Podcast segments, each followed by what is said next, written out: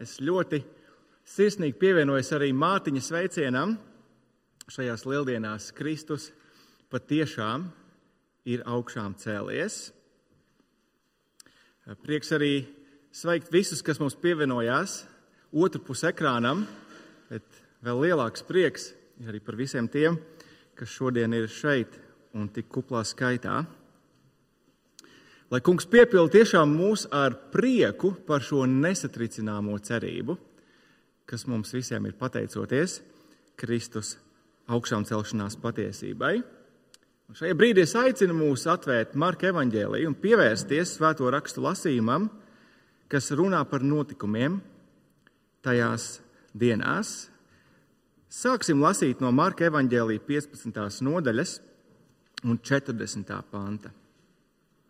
Marka evanģēlijas 15. nodaļa, sākot no 40. panta.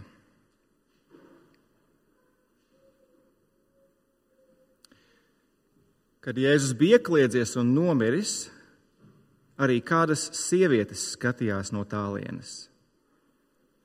Starp tām bija Marija Magdalēna un Marija Jēkaba jaunākā un Jāzepa māte un Salome. Tās kuras viņam sekoja un kalpoja, kad viņš bija Galilejā, un vēl daudzas citas, kas viņam bija atnākušas līdzi uz Jeruzalemi. Un pievakarē, jo bija sagatavošanas diena, tas ir priekšsabats.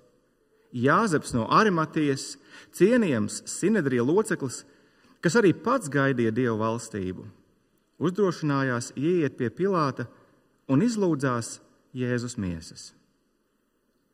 Bet Pilārs izbrīnījās, ka viņš jau ir miris. Pasaucis centurionu, viņš tam jautāja, vai viņš jau nomira? Un saņēmis ziņu no centuriona, viņš atvēlēja Jāzepam Jēzus miesas. Un tas, nopircis smalku linu audeklu, Jēzu nocēla un ieti naudeklā un ielika viņu kapā, kas bija izcirsts klintī un kapa ieejai aizvēl priekšā akmeni. Bet Marija Magdalēna un Marija Jāzepa māte skatījās, kur viņš tika nolikts. Kad sabata diena bija pagājusi, Marija Magdalēna un Marija Jākaba māte un Salome nopirka smaržīgas zāles, lai iet un svaidītu Jēzu.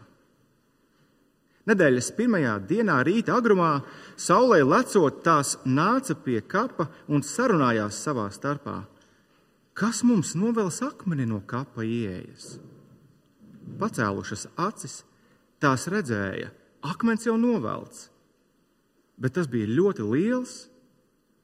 Ienākušas kapā, tās ieraudzīja baltās drānās tērptu jaunekli sēžam labajā pusē, un tās izbijās bet viņš tām sacīja: Nebīsties!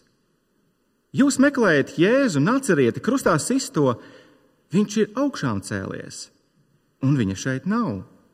Redziet, vieta, kur tie viņa nolika. Bet ejiet un pasakiet to viņa mācekļiem un pēterim. Viņš pirms jums aizies uz Galileju.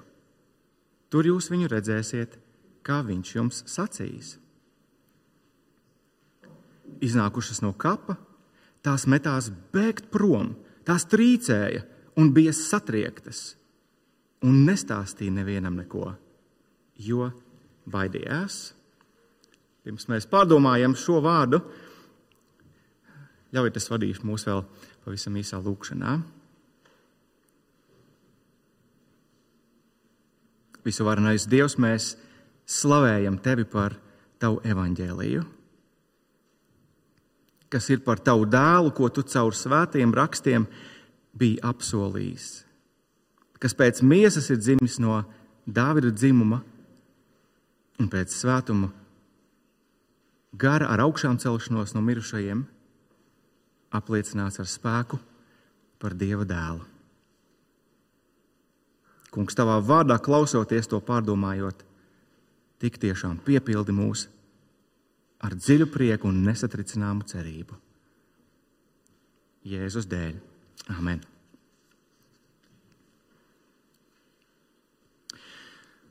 Šodien cilvēki nevien Latvijā, bet daudz kur citur pasaulē svin lieldienas. No paša rīta pie mājas kāpņu telpas mēs ar kaimiņiem apmainījāmies ar apusējiem īsiem sveicieniem, priecīgas lieldienas.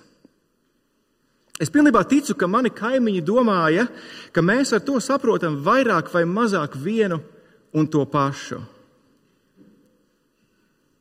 Tieši tā apgalvoja kāds no maniem bijušajiem kaimiņiem sociālajos tīklos, eh, sarakstoties ar mani šajā nedēļā. Vai tā nav? Kristiešu svētki galu galā ir tas pats, kas saulgrieži. Dienas paliek garākas par nakti, pēc saspringuma un saspīlējuma iestājas atslābuma sajūta, ka ciešanas ir beigušās. Un tagad vismaz kādu pusgadu būs vieglāka dzīvošana. Vai Kristus augšām celšanās ir tas pats, kas gaismas uzvara pār tumsu? Tikai ietēpta tādā organizētās reliģijas valodā. Nē, mēs zinām, ka tā nav. Kristus augšām celšanās ir kas nesalīdzināmi vairāk. Tā ir dzīvības uzvara pār nāvi. Tiesa, nāve nav kaut kas, par ko cilvēkiem patīk domāt pareizi. Tā joprojām pamanās mūsos iedvest bailes, iedvest sāpes. Bet, draugi, lieldienas svētdienas labā ziņa ir tā, ka ka nāve ir uzvarēta. Nāves sāpes ir atraisītas, nāve ir nonāvēta Kristus nāvē un apstādināta Kristus augšām celšanās no mirušajiem. Bet kā mēs, kā mēs un kā visi citi varam zināt, ka tieši par to ir Kristus augšām celšanās no mirušajiem? Kā mēs to cilvēkiem varētu tā vienkārši pastāstīt, ka tieši par to arī ir kristiešu lieldienas? Un daudz šo pārliecību mūsos grib nostiprināt evanģēlists Marks caur noslēpumaino jaunekli mūsu raksturvietā. Ieskatieties 6. pantā, 16. nodaļā. Nebīsties, jūs meklējat Jēzu, nacerieti krustā sisto. Viņš ir augšām cēlies, un viņa šeit nav. Redziet, vieta, kur tie viņa nolika. Lūk, par ko ir kristiešu lieldienas. Baltais drānās tāpēc puisis sievietēm šeit apstiprina divas lietas. Jūs meklējat Jēzu un nacerieti krustā sisto, kurš tika nolikts šeit. Jēzus tik tiešām nomira. Bet otra lieta, viņš apstiprina nebīsties. Viņš ir augšām cēlies un viņa šeit nav. Jēzus tik tiešām ir dzīves. Bet, lai mūsu dzīvības cerība būtu īsta, Jēzus uzvarai pār nāvi bija jābūt reālai. Lieldienas svētdienas vēsts par to, ka Kristus patiesi ir augšām cēlies, ir labas ziņas vienīgi tad, ja viņš patiešām iepriekš bija miris. Kāpēc? Ieraudzīsim to kopā. Pirmā lieta - Jēzus tiešām, tiešām nomira. Pirmkārt, jauneklis Baltās drēbēs apstiprina sievietēm, ko viņas īstenībā ļoti labi zināja. Jēzus tiešām nomira. Jēzus nāves, nāve ir vissvarīgākais fakts kristietībā. Tas ir tik svarīgs, svarīgs fakts, ka evaņģēlīja autors ļoti rūpīgi to nostiprina ar uzticamu atsauliecinieku liecībām. Jau minētās sievietes, kuras atkal un atkal parādās mūsu raksturvietā, ir acu liecinieces gan tam, kā Jēzus nomira, gan tam, kur viņš tika noguldīts, gan arī tam, ka kāps bija tukšs. Izskatieties, 40. pantā tās bija sievietes, tās bija, tā bija Marija Magdalēna, Marija Jākaba jaunākā un Jāzepa māte un Salome kas redzēja, kā Jēzus nomira. Un 47. pantā tā bija Marija Magdalēna, Marija Jāzepa māte, kas skatījās, kur viņu nolika.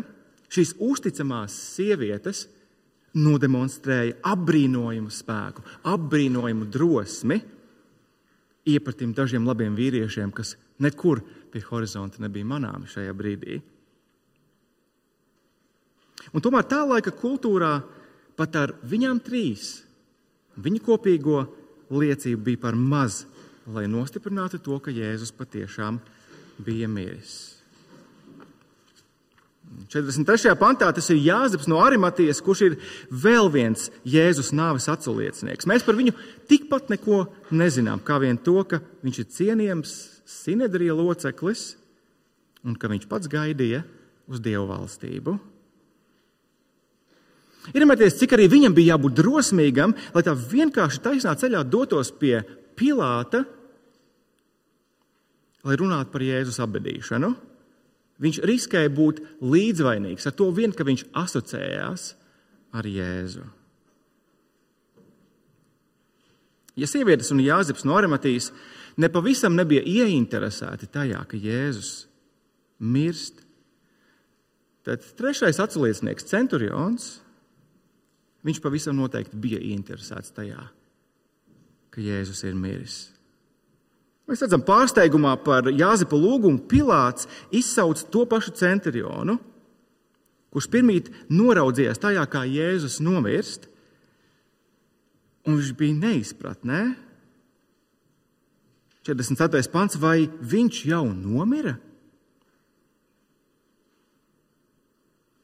Saņēmis pozitīvu atbildi, viņš par to pārliecinājās. Romiešu karavīri tie bija, tie bija nāves eksperti. Viņi ar nekļūdīgu precizitāti izpildīja ikvienu no nāves sodiem. Jēzus patiešām, patiešām nomira. Bet kāpēc, kāpēc Markam evanģēlīja autoram bija tik ārkārtīgi svarīgi nostiprināt Jēzus nāves faktu? Ja pat neviens no Jēzus sakotājiem nebija ieinteresēts tajā, ka Jēzus ir miris. Draugi, un atbilde ir šāda. Lai mēs būtu droši, ka samaksa par mūsu grēku un sots, kas pienācās mums, būtu pabeigts un izciests, Jēzus ar savu nāvi pilnībā samaksāja izpirkuma maksu par mūsu grēku, jo grēka alga taču ir nāve. Būdams Dieva valdnieks, Jēzus bija arī kalps, kurš deva savu dzīvību par izpirkumu maksu par daudziem, kā viņš pats to iepriekš mācekļiem teica. Jēzus iztukšoja Dieva dusmības kausu tur ģedzemanas dārzā. Viņš paņēma tik tiešām uz sevi visus mūsu grēkus, visu sodu, kas pienācās mums. Un tāpēc pie krusta Jēzus piedzīvoja pilnīgu atšķirību no sava tēva lai mums tā nekad, nekad nebūtu jāpiedzīvo. Jēzum bija patiesi jānomirst, lai mūsu grēku parāds tiktu patiesi nodzēsts, un mūsu vaina tiktu patiešām attaisnota. Un es pieļauju, ka mēs varētu būt kādreiz aizmirsuši to, cik šokējoša šī patiesība ir, cik īstenībā skandaloza patiesība šī ir joprojām daudzās, vismaz dažās ar Abrahamu saistītajās reliģijās, kā jūdaisms un islāms. Saskaņā ar jūdu izpratni Mēsija nekādīgi nevarēja nomirt. Viņi gaidīja šo Dāvida ķēniņu, kura valstība būs mūžīga, kurš valdīs mūžīgi, kurš sakaus dieva ienaidniekus un valdīs mūžīgi. Un to zināja šīs sievietes, kas nāca pie Jēzus kāpa. To zināja Jāzeps no Arimatijas. Fakts, ka Jēzus karājās pie koka staba visiem jūdiem, bija pierādījums tam, ka uz Jēzu gulstās dieva lāsts, ka viņš nevar būt mesija. Un tāpat islamā, tāpat islamā Korāns pilnībā noraida to, ka tik godāts un cienījams pravietis kā Jēzus jebkad varētu mirt tik apkaunojošā nāvē. Kāds, kuru Dievs lietoja tik īpašā veidā, nedrīkst mirt šādā nāvē. Krustā piesta vien Jēzus dubultnieku, viņa saka. Vai kāds samainīja Jēzus miesas pēc tam un ielika kapā citas miesas? Jēzus īstenībā bija bezsamaņā. Ir daudz varianti. Dieva izdzētais valdnieks mirst pie krusta, tālu no tā. Bet arī mūsdienās, arī mūsu zemē, mēs varam novērot ar vien pieaugušāku tendenci vairīties no patiesības par Jēzus nāvi. Es nezinu, vai jūs to esat pamanījuši. Vairīties no patiesības, ka Jēzus mira mokpilnā nāvē pie krusta. Tam, protams, ir citi iemesli atšķirībā no, no tradicionālās jūdu vai, vai islāma ticības. Kādā veidā mūsdienās, pat kla, plašākā kristiešu lokā, cilvēki sāk vairīties no Jēzus krusta. Jēzus krusts tiek padarīts par, par tādu metaforu. Viņa nāve tiek padarīta par metaforu, kas, kas pielietot pie vienkārši iekšējām pārmaiņām cilvēkā, kurām ir jānotiek.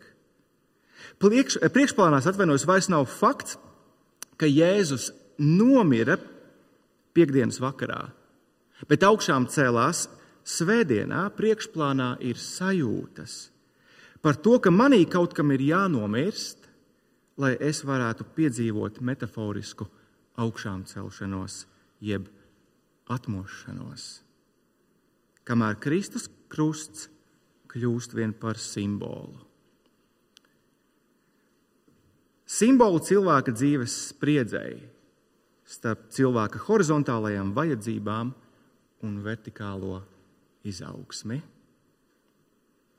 Un sakiet, vai jūs šāds krusta skaidrojums atvieglo, vai šāds krusta skaidrojums jūs atbrīvo? Ka tas vienkārši ir simbols spriedzēji starp mūsu horizontālajām vajadzībām un, un vertikālo izaugsmi? Vai tieši otrādi? Vai gadienā nav tā, ka šāds krusta skaidrojums uzkrauj cilvēkam tik nepanesamu nastu uz pleciem, ka vienīgais, ko tas dara, ir atgādina, ka šī spriedze turpina un turpina pieaugt. Šāds krusta skaidrojums pavērdzina. Draugi, evanģēlists Marks tajā vietā grib, lai mēs zinām, ka Kristus krusts ir Dieva atbrīvošanas līdzeklis. Jēzus patiešām nomira. Ar savu nāvi Jēzus atbrīvoja mūs no reāla grēka parāda, no reāla Dieva soda. Par Jēzus nāves faktu pārliecinājās trīs sievietes, domes deputāts Jāzeps no Armatīs un Bende centurions. Jēzus patiešām, patiešām nomira. Taugi Jēzus nāvei, miesīgai nāvei lielajā piekdienā bija jābūt reālam notikumam, lai Kristus augšām celšanās lieldienu svētdienā atnestu patiesu cerību. Jēzus tiešām augšām cēlās. Ilgoties vēlreiz 6. pantā, 16. nodaļā, un šī jaunekļa vārdos, viņš ir augšām cēlies. Viņa šeit nav. Tikpat rūpīgi kā Jēzus nāves faktu, Marks nostiprina arī Jēzus augšām celšanās faktu. Ieskatieties no 1. panta, 16. nodaļā, kad sabata diena bija pagājusi, Marija Magdalēna un Marija Jākaba māte un Salome nopirka smaržīgas zāles, lai ietu un svaidītu Jēzu. Nedēļas Pirmajā dienā rīta agrumā saulē lecotās nāca pie kapa un sarunājās savā starpā, kas mums novēls akmeni no kapa. Un pacēlušas acis tās redzēja, akmens jau novelts. Bet tas bija ļoti liels. Mēs atkal redzam šīs pašas trīs sievietes, kas redzēja, kā Jēzus nomirst, kas redzēja, kā Jēzu guldīja kapā, ir tās, kuras redz no kapa novelto akmeni un tukšo kapu. Tās pašas sievietes. Turklāt mēs redzam, ka pilnīgi nekas viņu attieksmē, viņu sarunās neliecina par to, ka viņas iet uz kapu, lai sagaidītu, protams, ka sagaidītu augšām celto Kristu. Nē, viņas gāja, lai svaidītu ar zālēm Jēzus mirušās miesas. Drīzāk viņas pie sevis domāja, ka visām viņu ilgām un visām viņu cerībām ir pienācis gals. Un tāpēc no kapa noveltais akmens bijām, bija viņam tik ārkārtīgi liels pārsteigums, bet vēl lielāks pārsteigums - šis kapā esošais jauneklis baltās drēbēs. otrais augšām celšanās liecinieks.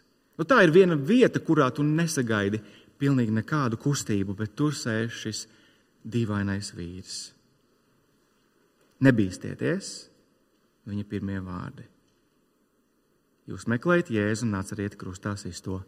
Viņš ir augšām cēlies. Redziet, vieta, kur tie viņi nolika. Būsim godīgi, visticamāk, visticamāk dzirdot vārdus, sieviešu pirmā atbilde nebija. Viņš patiesi ir augšām cēlies, tā kā mēs to šodien teicām. Pareizi. Kāpēc? Jo tukšajam kapam varēja būt daudz un dažādi izskaidrojumi.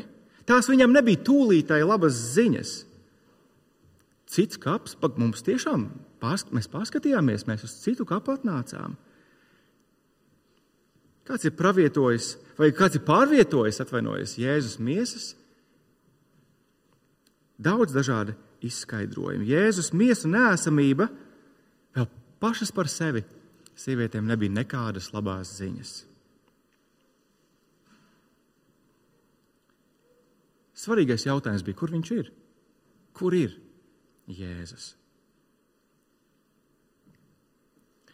Kad mēs vēl dzīvojam iepriekšējā dzīves vietā, mēs, mēs pārāk nedomājām par to, vai mūsu mājas durvis ir aizslēgtas, vai mūsu logi ir aiztaisīti ciet. Mēs tajā laikā dzīvojam tādā pagrabstāviņā un, un saprotams, ka nu, zemāk par to vairs īsti nav kur nokrist. Kā, kāda jēga tos logus taisīt ciet, un bērni ir drošībā. Un vienā no tajām karstajām vasarām, kad iekštelpās jūs atraties, nebija iespējams īsti normāli uzturēties. Man bija iespēja strādāt tādā blakus telpā. Daudz no jums tur bijuši tāda banketa zālīte, kur bija patīkami vēss. Mana sieva bija darbā, bet manus bērnus pieskatīja mana sievas māte. Un tā viss bija diezgan jauki, bet pēc brīža tur strādājot, es dzirdu atsprāgst blakus mūsu dzīvokļa durvis atsprāgst vaļā. Un, un Anita nesās augšu pa trepēm un sauc Timoteju. Un tad atkal viņa nesās lejā, ieskan dzīvoklī un sauc Timoteju. Nu, tajā brīdī es jau pēc kāda laika saprotu, ka laikam būtu prātīgi pieslēgties pie, pie tā, kas notiek, lai kas tur notiktu. Es pavaru durvis un, un prasu, nu, kas ir noticis. Timoteja nekur nav. Nu, nu skaidrs, ka Omei prātā var iešauties visdažādākie scenāriji. Izgājis uz lielās ielas, iekāpis pirmajā tramvajā vai piektajā tramvajā, nav starpības, nolaupīts vai, vai sazina vēl kas. Svarīgs tikai viens jautājums, kur viņš ir? Kur viņš ir? Izrādās nebija ļaunākais scenārijs. Bērni kopā bija izdomājuši tādu viltīgu paslēptu Timoteju, nedaudz izjokot Omi. Eh, tas, tas nebija nekāds īpaši patīkamais joks, jāatzīst. Ciet, draugi, Jēzus miesas nēsamība tukšajā kapā paši par sevi. Vēl sievietēm nebija nekādas labās ziņas. Kur viņš ir? Kur ir Jēzus miesas? Tas ir vienīgais svarīgais jautājums. Un interesanti, ka tieši tas ir tas, ko šis jauneklis Baltijas drēbēs arī tālāk pasaka 7. pantā. Ieskatieties, Bet ejiet un pasakiet to viņa mācekļiem un Pēterim. Viņš pirms jums aizies uz Galileju. Tur jūs viņu redzēsiet, kā viņš jums sacīs. Pārsteidzoši ir tas, ka šo Jēzus sacīto augšstabā dzirdēja tikai un vienīgi mācekļi. Neviens cits šo nedzirdēja. Ja jūs paši atpakaļ 14. nodaļā 28. pāntu, tad jūs to ieraudzītu savām acīm. Jēzus pēc vakarēdienas tūlīt sacīja, ka pienāks stunda, jūs mani visi atstāsiet, jūs visi aizmuksiet. Bet pēc tam, kad es augšām celšos, es pirms jums noiešu uz Galileju. Viņa šeit nav. Viņš ir Galilejā. Ejiet uz turieni. Viņš jums sacīja, jūs viņu tur satiksiet. Jēzus augšām celšanās fakts ir ļoti rūpīgi nostiprināts. Bet kāpēc Jēzus augšām celšanās ir tik svarīgs fakts? Kāpēc? Daudz kristiešu daudzos gadsimtos ir, ir uzdevuši šo jautājumu kādā brīdī, bet kāpēc nepietiek ar, ar Jēzus nāvi? Ja mēs sakām, ka viņa krusta nāve, izlietās asinis, salauztā miesa sagādāja izpirkuma maksu, Kāpēc obligāti Jēzum bija jāpieceļās no mirušajiem? Un to mēs vislabāk spēsim saprast, pavaicājot, kāpēc Jēzus augšām celšanās bija tik svarīga Jēzus mācekļiem un Pēterim.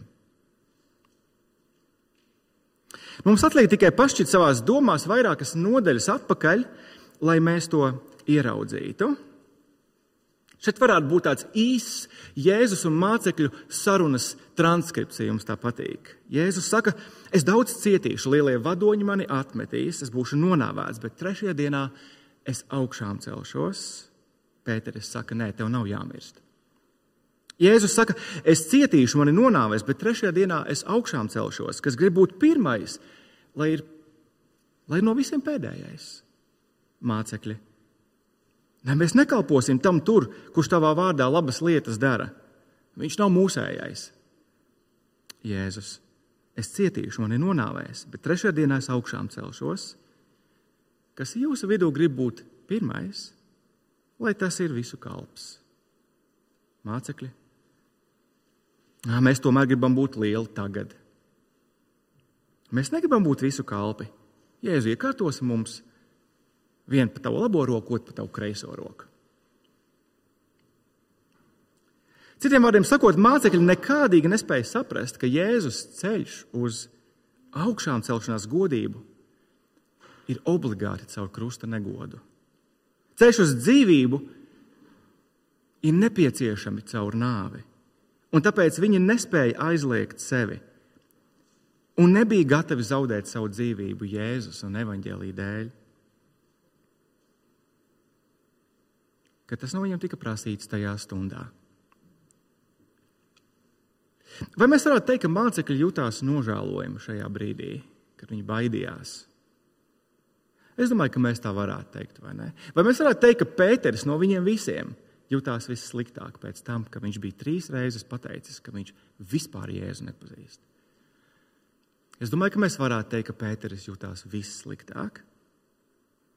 Un iedomājieties, ko viņiem Jēzus mācekļiem un Pēterim nozīmēja saņemt šo ziņu. Kungs ir augšām cēlies.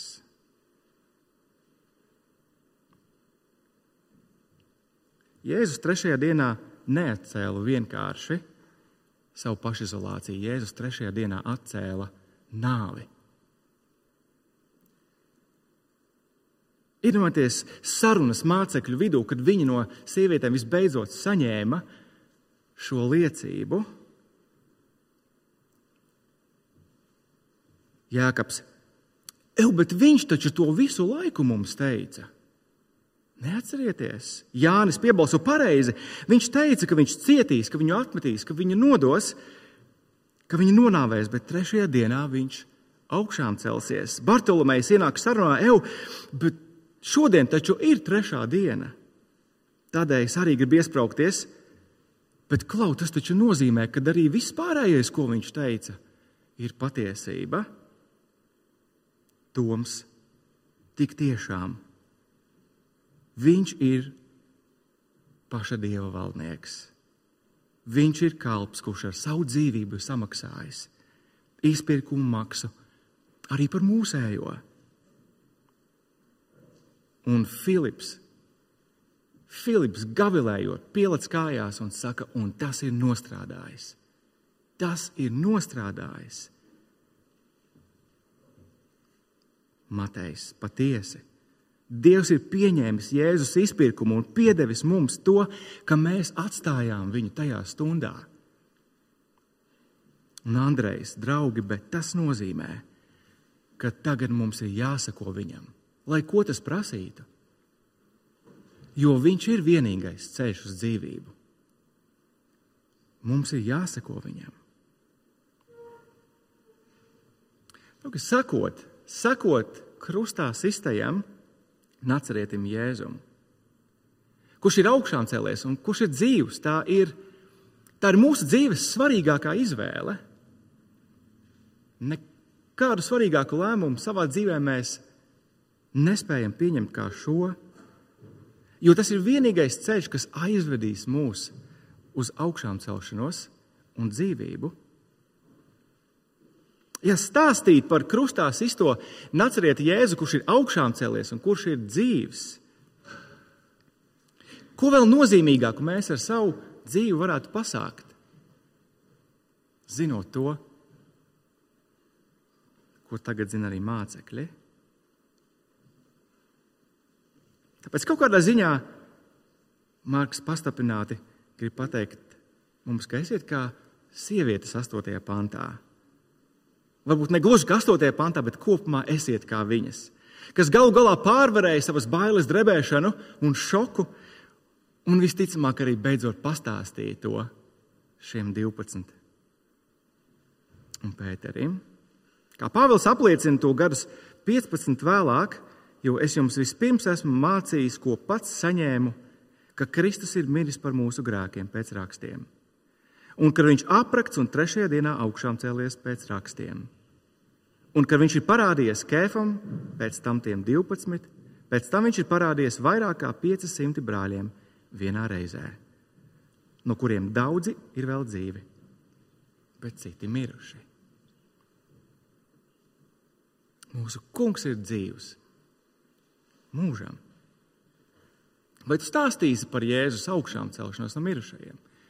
Tu stāstīsi par to, ka Jēzus ir dzīvs. Ka Kristus samaksa ir pieņemta, ka grēka parāds ir nodzēsts, ka, ka piekļuve mūžīgai dzīvībai ir pagādāta. Tas ir atvērts. Ceļš pie Dieva ir atvērts. Es zinu, arī mēs, iespējams, tāpat kā mācekļi, tik bieži jūtamies tik necienīgi un tik nevērti Kā, kā mēs kādam varam teikt šādas lietas? Mēs neesam cienīgi. Lai tu zinātu, kādi vareni grēcinieki mēs esam, kāds varens grēcinieks es esmu. Jā, tādi bija mācekļi, tādi bija šie 12. Bet runa nav tik daudz par mums, draugi, pareizi. Mēs esam vareni grēcinieki, bet, bet Jēzus ir varans glābējs. Lūksim.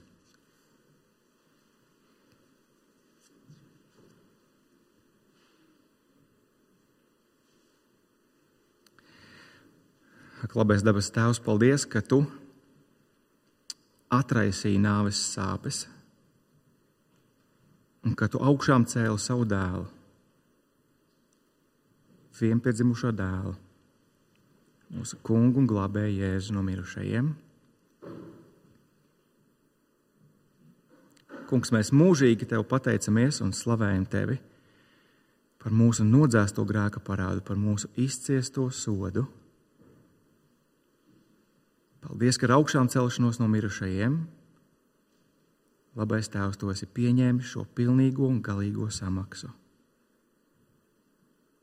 Paldies, ka no grēka varas un nāves varas atbrīvoti Tēvs, mēs tagad bezbailīgi un drosmīgi varam cilvēkiem stāstīt par to, ka tu esi tiešām patiesība, par to, ka tu esi ceļš pie tēva, par to, ka tev ir dzīvība.